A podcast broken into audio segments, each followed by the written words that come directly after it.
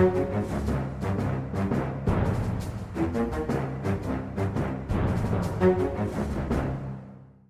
ønsker vi velkommen til en ny uke med podkast i Aftenpodden. Jeg er politisk journalist Lars Glomnes. Med meg har jeg politisk redaktør Trine Eilertsen. God dag. God dag. Og kulturredaktør Sara Sørheim. Hallo, hallo. Hei sann.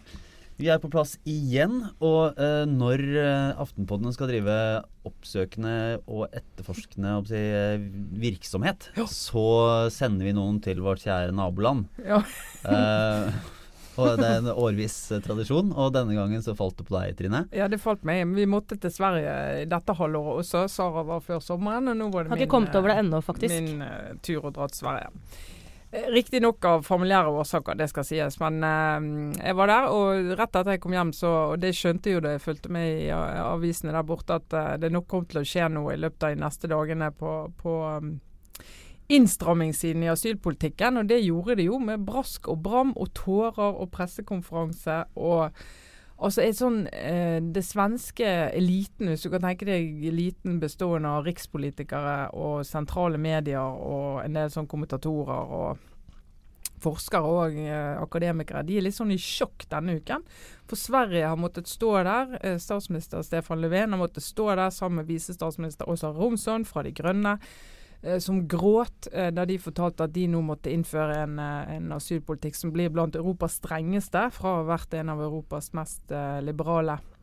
Men er det, men er det faktisk eh, strengeste, eller er det sånn som eh, man eh, sa i Sånn som eh, Fremskrittspartiet sa om den nye norske, den strengeste i Europa, og så viste det seg at ja, det er den strengeste hvis du regner med nabolandene våre og tar bort Danmark. Ja, Eh, den strengeste i deler av Norden. Ja. Ja.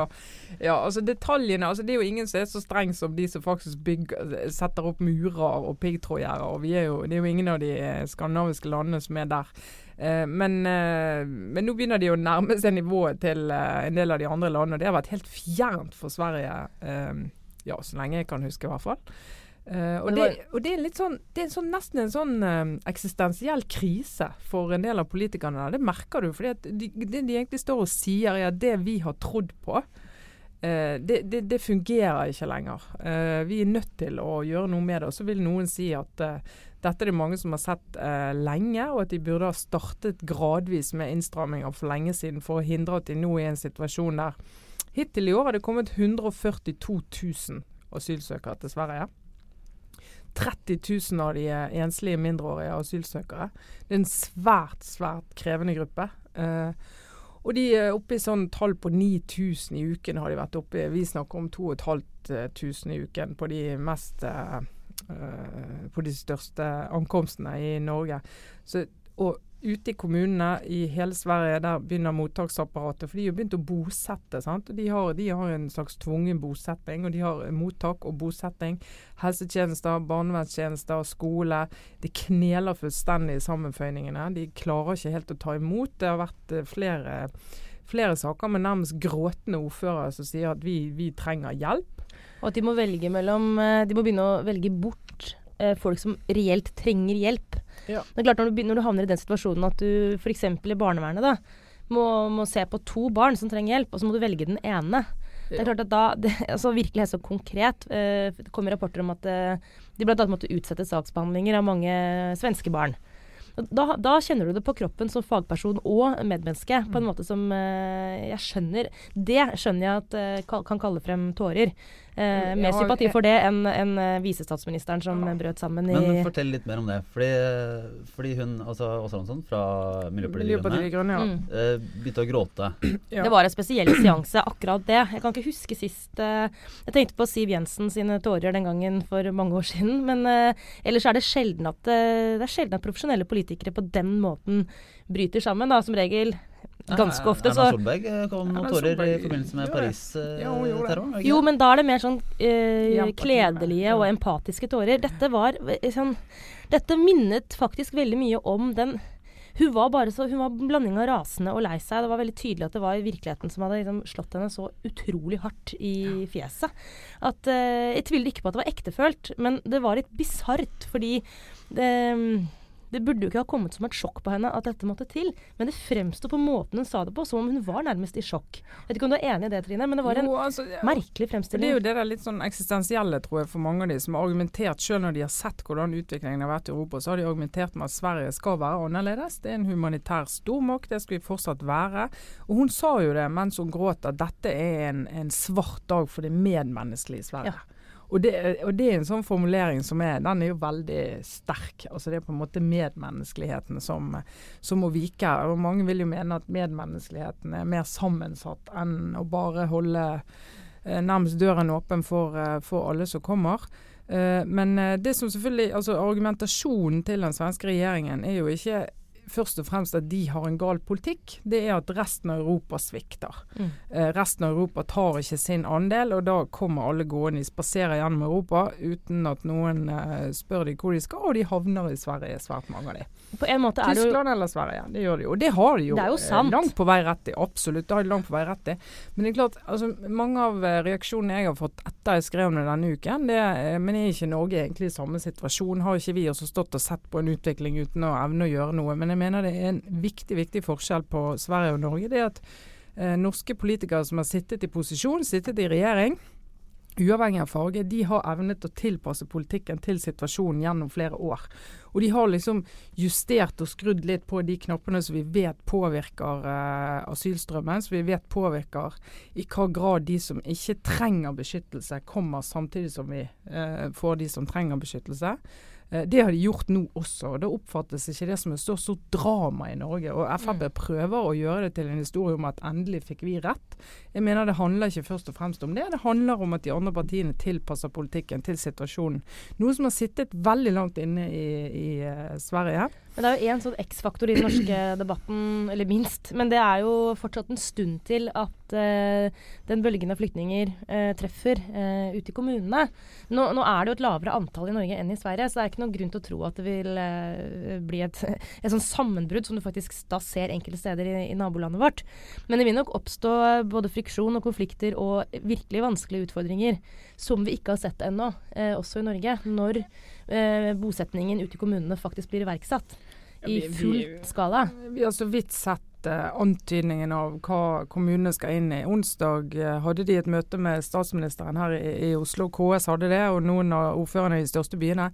Eh, og De diskuterte dette sammen. og det er klart at det de diskuterer nå, det er akuttfasen. Vi må, vi må løse. Vi må ha eh, mottaksplasser, vi må ha helsetjenester, vi må ha barnevern. Vi må liksom begynne å tenke på skolegang og, og løsninger for de som skal bo midlertidig i kommunene på de mottakene.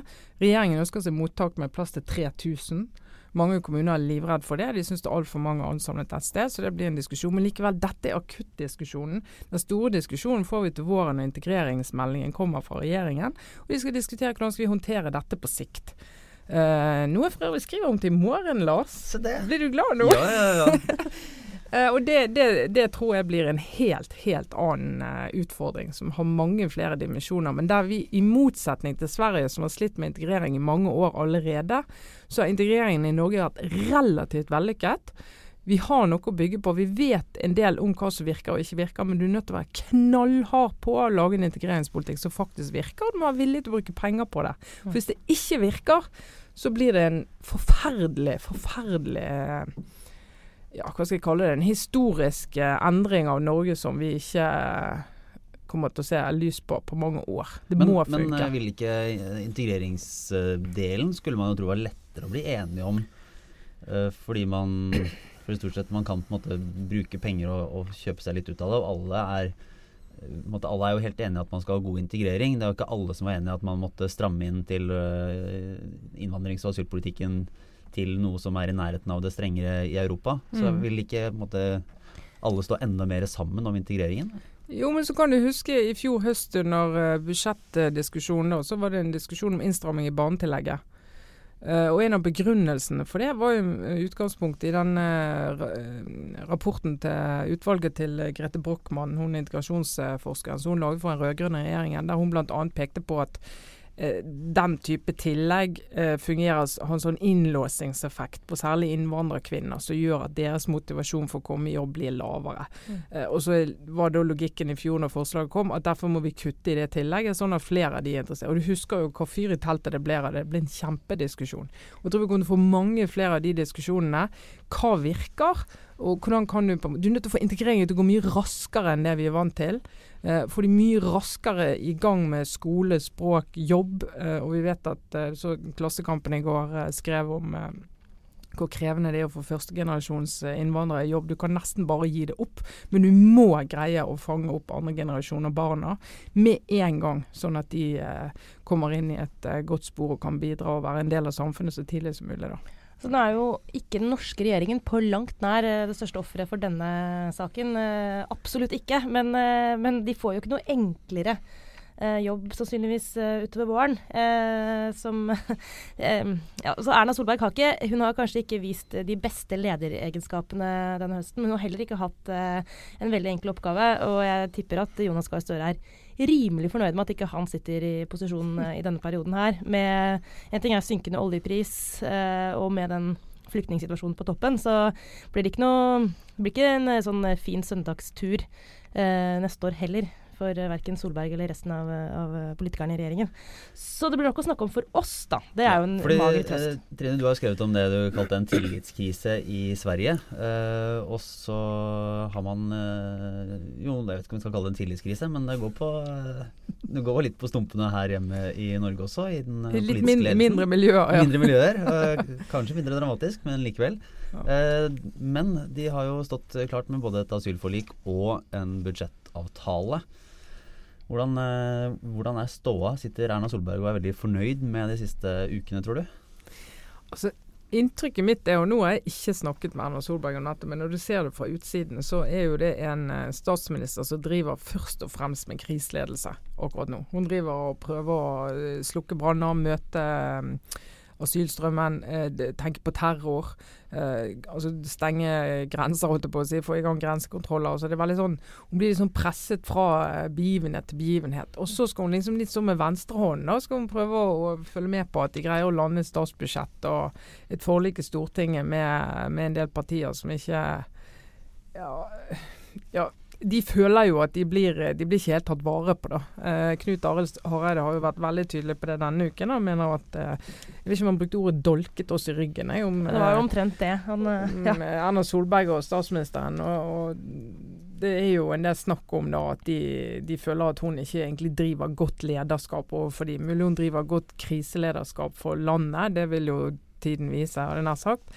Eh, men godt lederskap som er som skal samle en gjeng som allerede var litt sånn eh, hva skal jeg si, lurvete sammensatt og eh, knakete sammenføyningene. Den jobben der har ikke blitt lettere. Og hun har heller ikke tror jeg, kapasitet nok til å jobbe så mye med det som hun burde gjort hvis dette skulle lykkes. Så nå er jo det på vei inn i en skikkelig sur eh, ja, Sur fase, altså. Man kan jo se litt på budsjettet også, at det er vanskelig å Kanskje Det er litt vanskelig å se det store, store felles prosjektet. Det politiske prosjektet.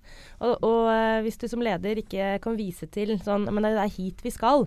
Hvis du blir gående sånn fra krise til krise og drive med brannslukking, og ikke klarer å liksom male en høyere himmel i det hele tatt over det du egentlig holder på med, så, eh, så er det, det, er utfordrende da å liksom samle troppene.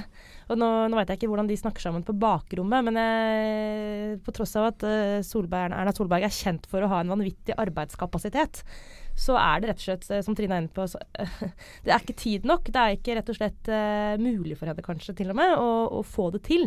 Men det er like forbanna et reelt problem for henne. Og hva er det egentlig som preger dette budsjettet f.eks., annet enn at de bare klarte å få det til. det store seieren er at det ble et budsjett. Men, men hva er det store prosjektet? Eh, hvem er den store vinneren? Det syns ikke jeg er så lett å, å se. Og det, et, det, blir et problem for dem utover i perioden nå, tror jeg. Ja, jeg vet ikke om jeg skal peke på det store, store prosjektet eller veien videre, men det har vært interessant fordi jeg har jobba mye med å, å, å følge opp dette budsjettarbeidet i Stortinget, og det innebærer stort sett å sitte på gangen og vente i dag etter dag. Uh, da får man jo mulighet til å gå rundt og, og prate med en del folk og uh, høre litt hvordan de tenker. Uh, og høre om de også prater litt når de ikke blir intervjua. Så sier de ofte litt mer enn det de er villige til å si på, på blokka. da. Uh, og da tegnes det jo et bilde av en borgerlig gjeng som nå står ganske så langt fra hverandre, og der frustrasjonen er, eh, er voldsom på egentlig alle kanter.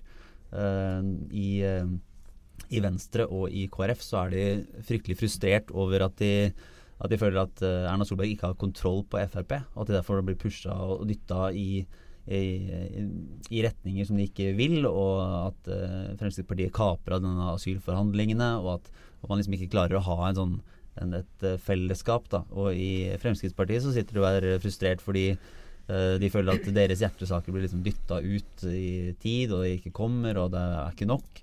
Uh, og så sitter vi i Høyre og er frustrert over at det er så fryktelig mye krangling mellom alle sammen, og at man kanskje mister litt sånn mål av syne. Mm. Um, og det ble sagt fra flere partier at nå blir stemningen dårligere og dårligere for dette prosjektet for hver dag som går. Mm.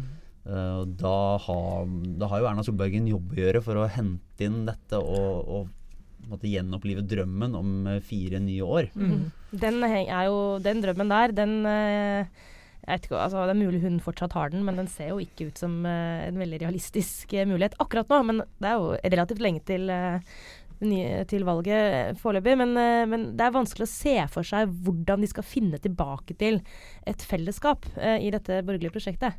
Og så tror jeg at noen i sentrum hadde fram til nå i, vår, eller i høst, så hadde de en slags tanke om at, uh, at, at Frp var så små at det var mulig å bytte ut Fremskrittspartiet med sentrumspartiene i en regjering. Ja. Uh, og det var kanskje en sånn en utvei.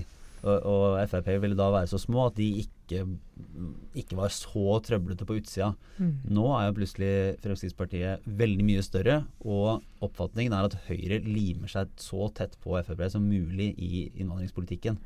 Uh, sånn at det, der, det, å dytte ut Frp nå for mm. å slippe inn KrF og Venstre, mm. det ses på som, uh, som, svært usannsynlig. Og da sitter de igjen med veldig få muligheter. Uh, KrF kan jo i teorien gå til Arbeiderpartiet.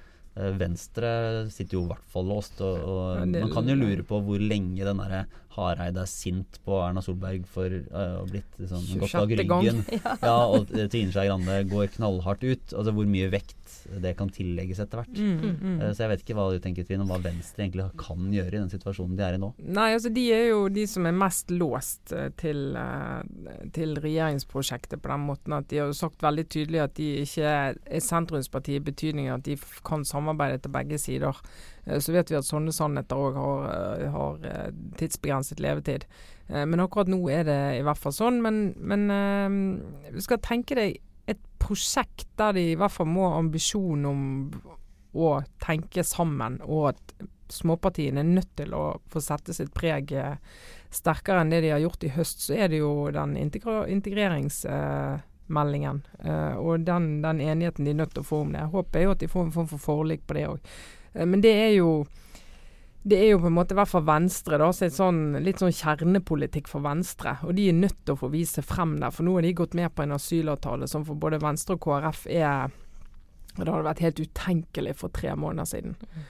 Uh, og nå er de i en situasjon der de er med på det. De mener det er begrunnet, men du ser på de at de snakker litt med sammenbitte tenner når de skal uh, skryte ja, av det var, det var avtalen. Vel, det var vel ikke helt populært i sentrum heller at Fremskrittspartiet gikk ut uh, så tydelig og tok dette som en seier. Ja, det er litt de sånn fingeren i øyet ja. på det. Sant? Så det. Og det handler jo litt om den der psykologien i samarbeidet. Sant? Er dette partier som vil hverandre vel? Altså Klarer du å samarbeide over tid hvis du ikke egentlig vil de andre i samarbeidet vel? Og det er jo ingen som går og innbiller seg at Frp vil KrF og Venstre vel, eller omvendt. Det er det jo ingen som gjør. Eh, og det har de klart å vise frem for alle, og de kommer med sånne små stikk hele tiden som de sikkert har utrolig glede av eh, akkurat der og da, men så får velgerne er med på å bygge ned troen på det prosjektet. da. Og det er Erna Solberg sitt ansvar å ta tak i det og få de til å, å, å, å, diskutere det på en måte som gjør at prosjektet fremstår som bedre. Men det, det fremstår ikke som om hun har verken mulighet eller evne, eller kanskje til og med vilje til å gjøre det nå. Men hva kan hun gjøre da? Hva, hva kan en statsminister i en sånn situasjon eh, måtte ta tak i for å bedre de eh, samarbeidsforholdene, eller?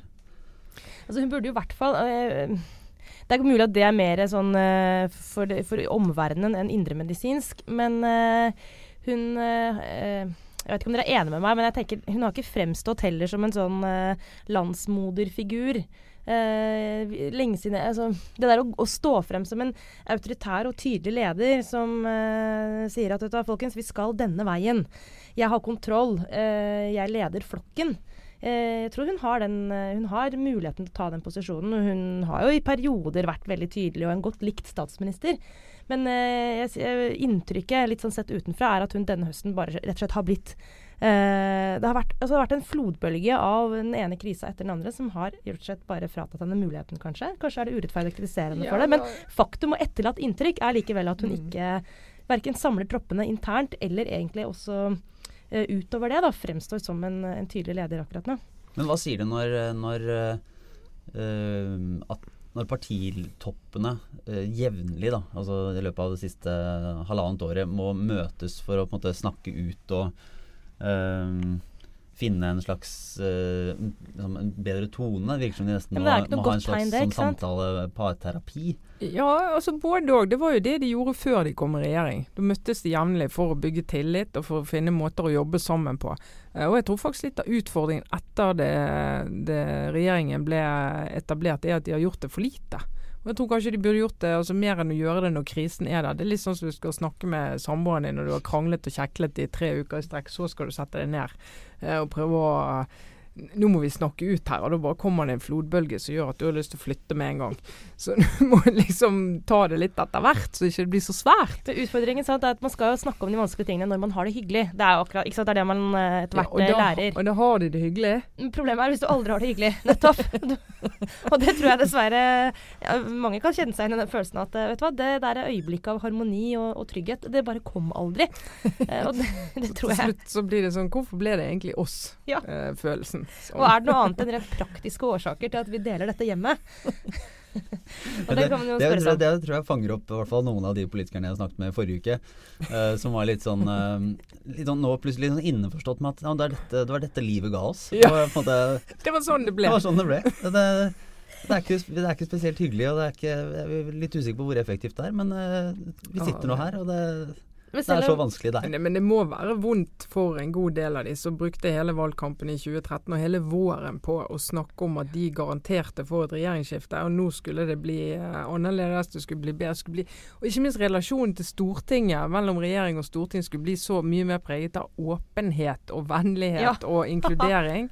Uh, og nå uh, ser vi at det i hvert fall ikke Samtidig så har nok Erna Solberg rett i det at en del av det vi ser nå, var nok bitterhet og konflikter som før var på innsiden av regjeringskollegiet. og Det vet vi fra biografier som Kristin Halvorsen sin og andre, at det har nå gått uh, for seg der òg. Men det er, ikke, det er ikke alltid så fint å se på sånn.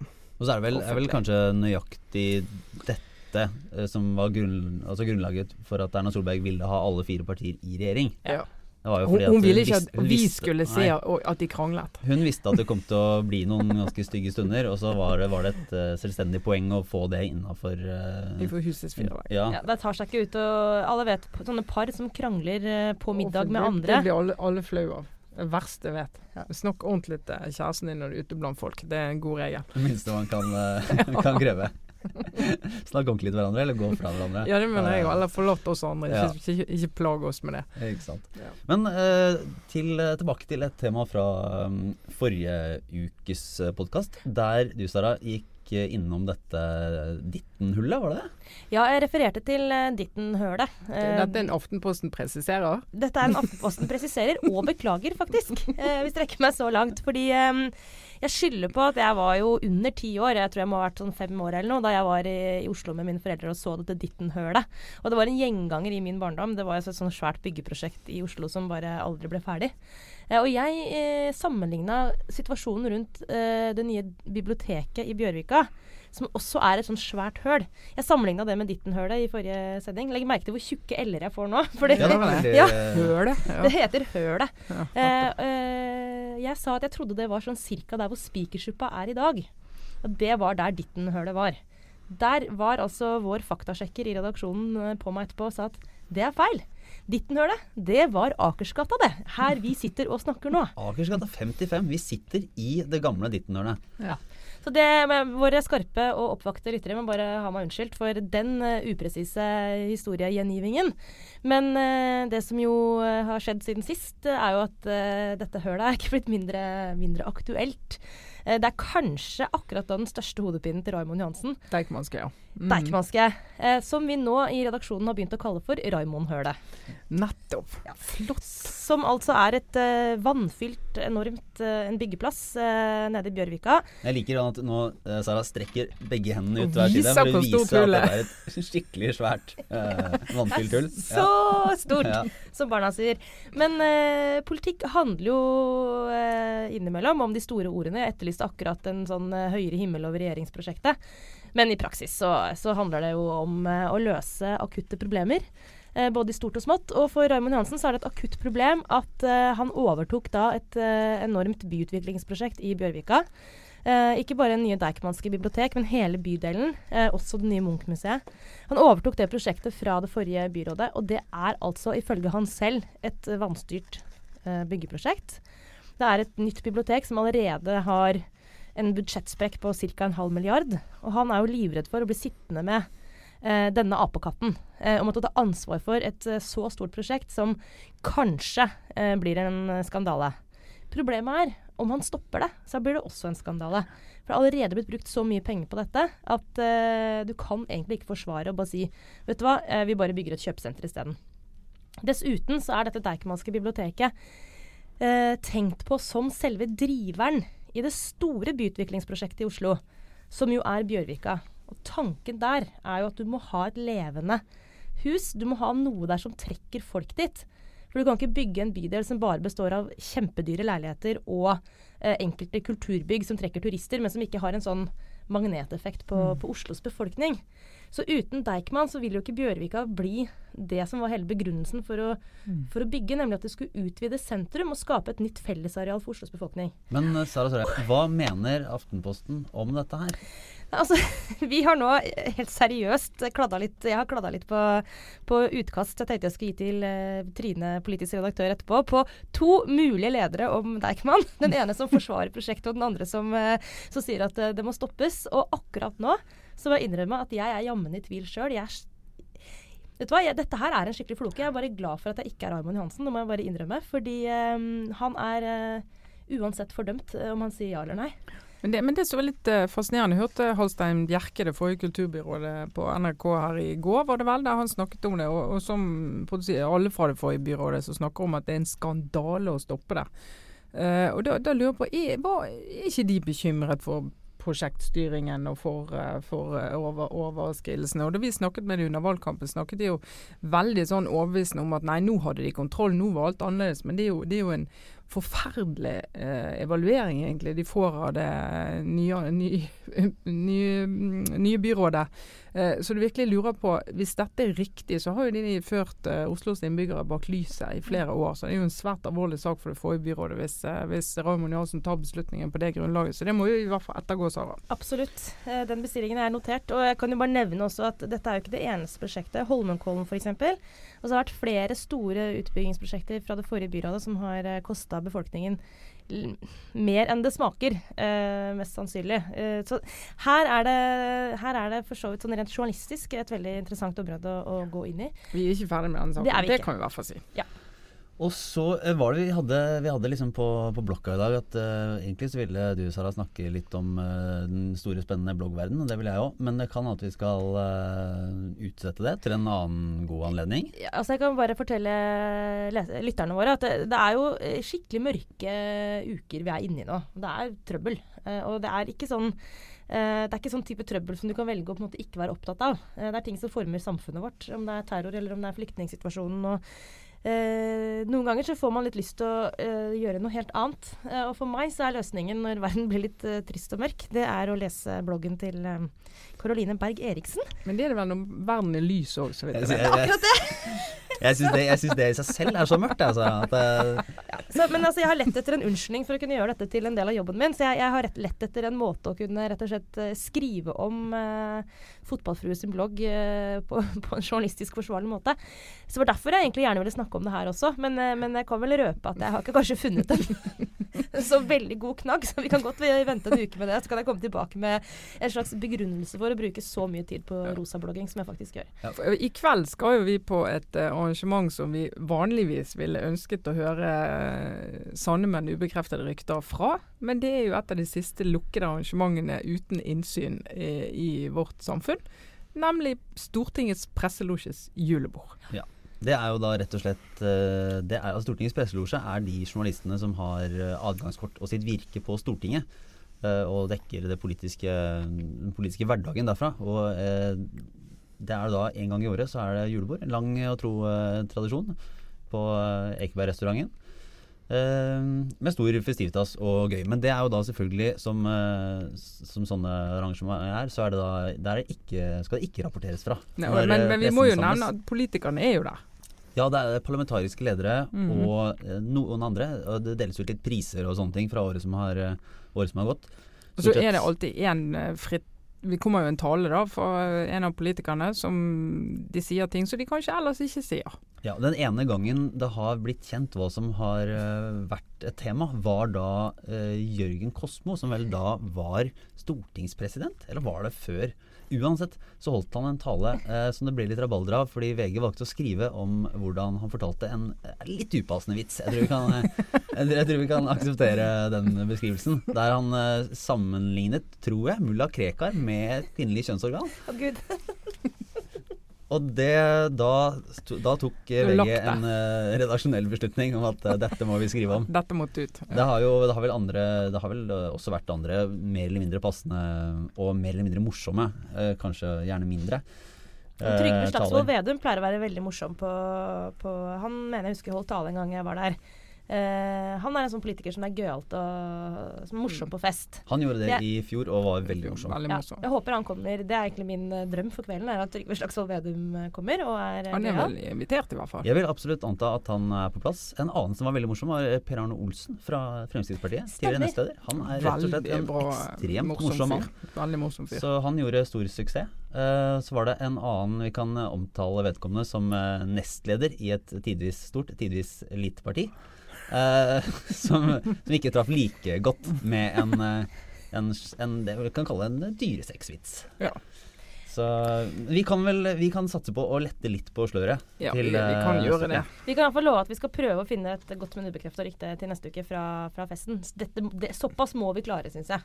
Ja, I åpenhetens navn. I åpenhetens navn. vi trenger jo ikke å navngi.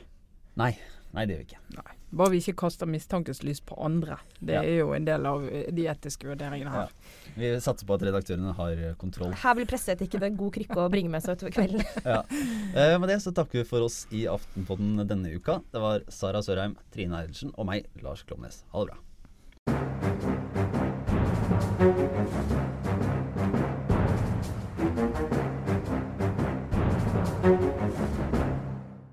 Jeg kan jo legge til at vi anbefaler alle våre lyttere å abonnere i iTunes. Det kan du gjøre på telefonen din ved å gå inn i podkast-appen eller på en eh, datamaskin.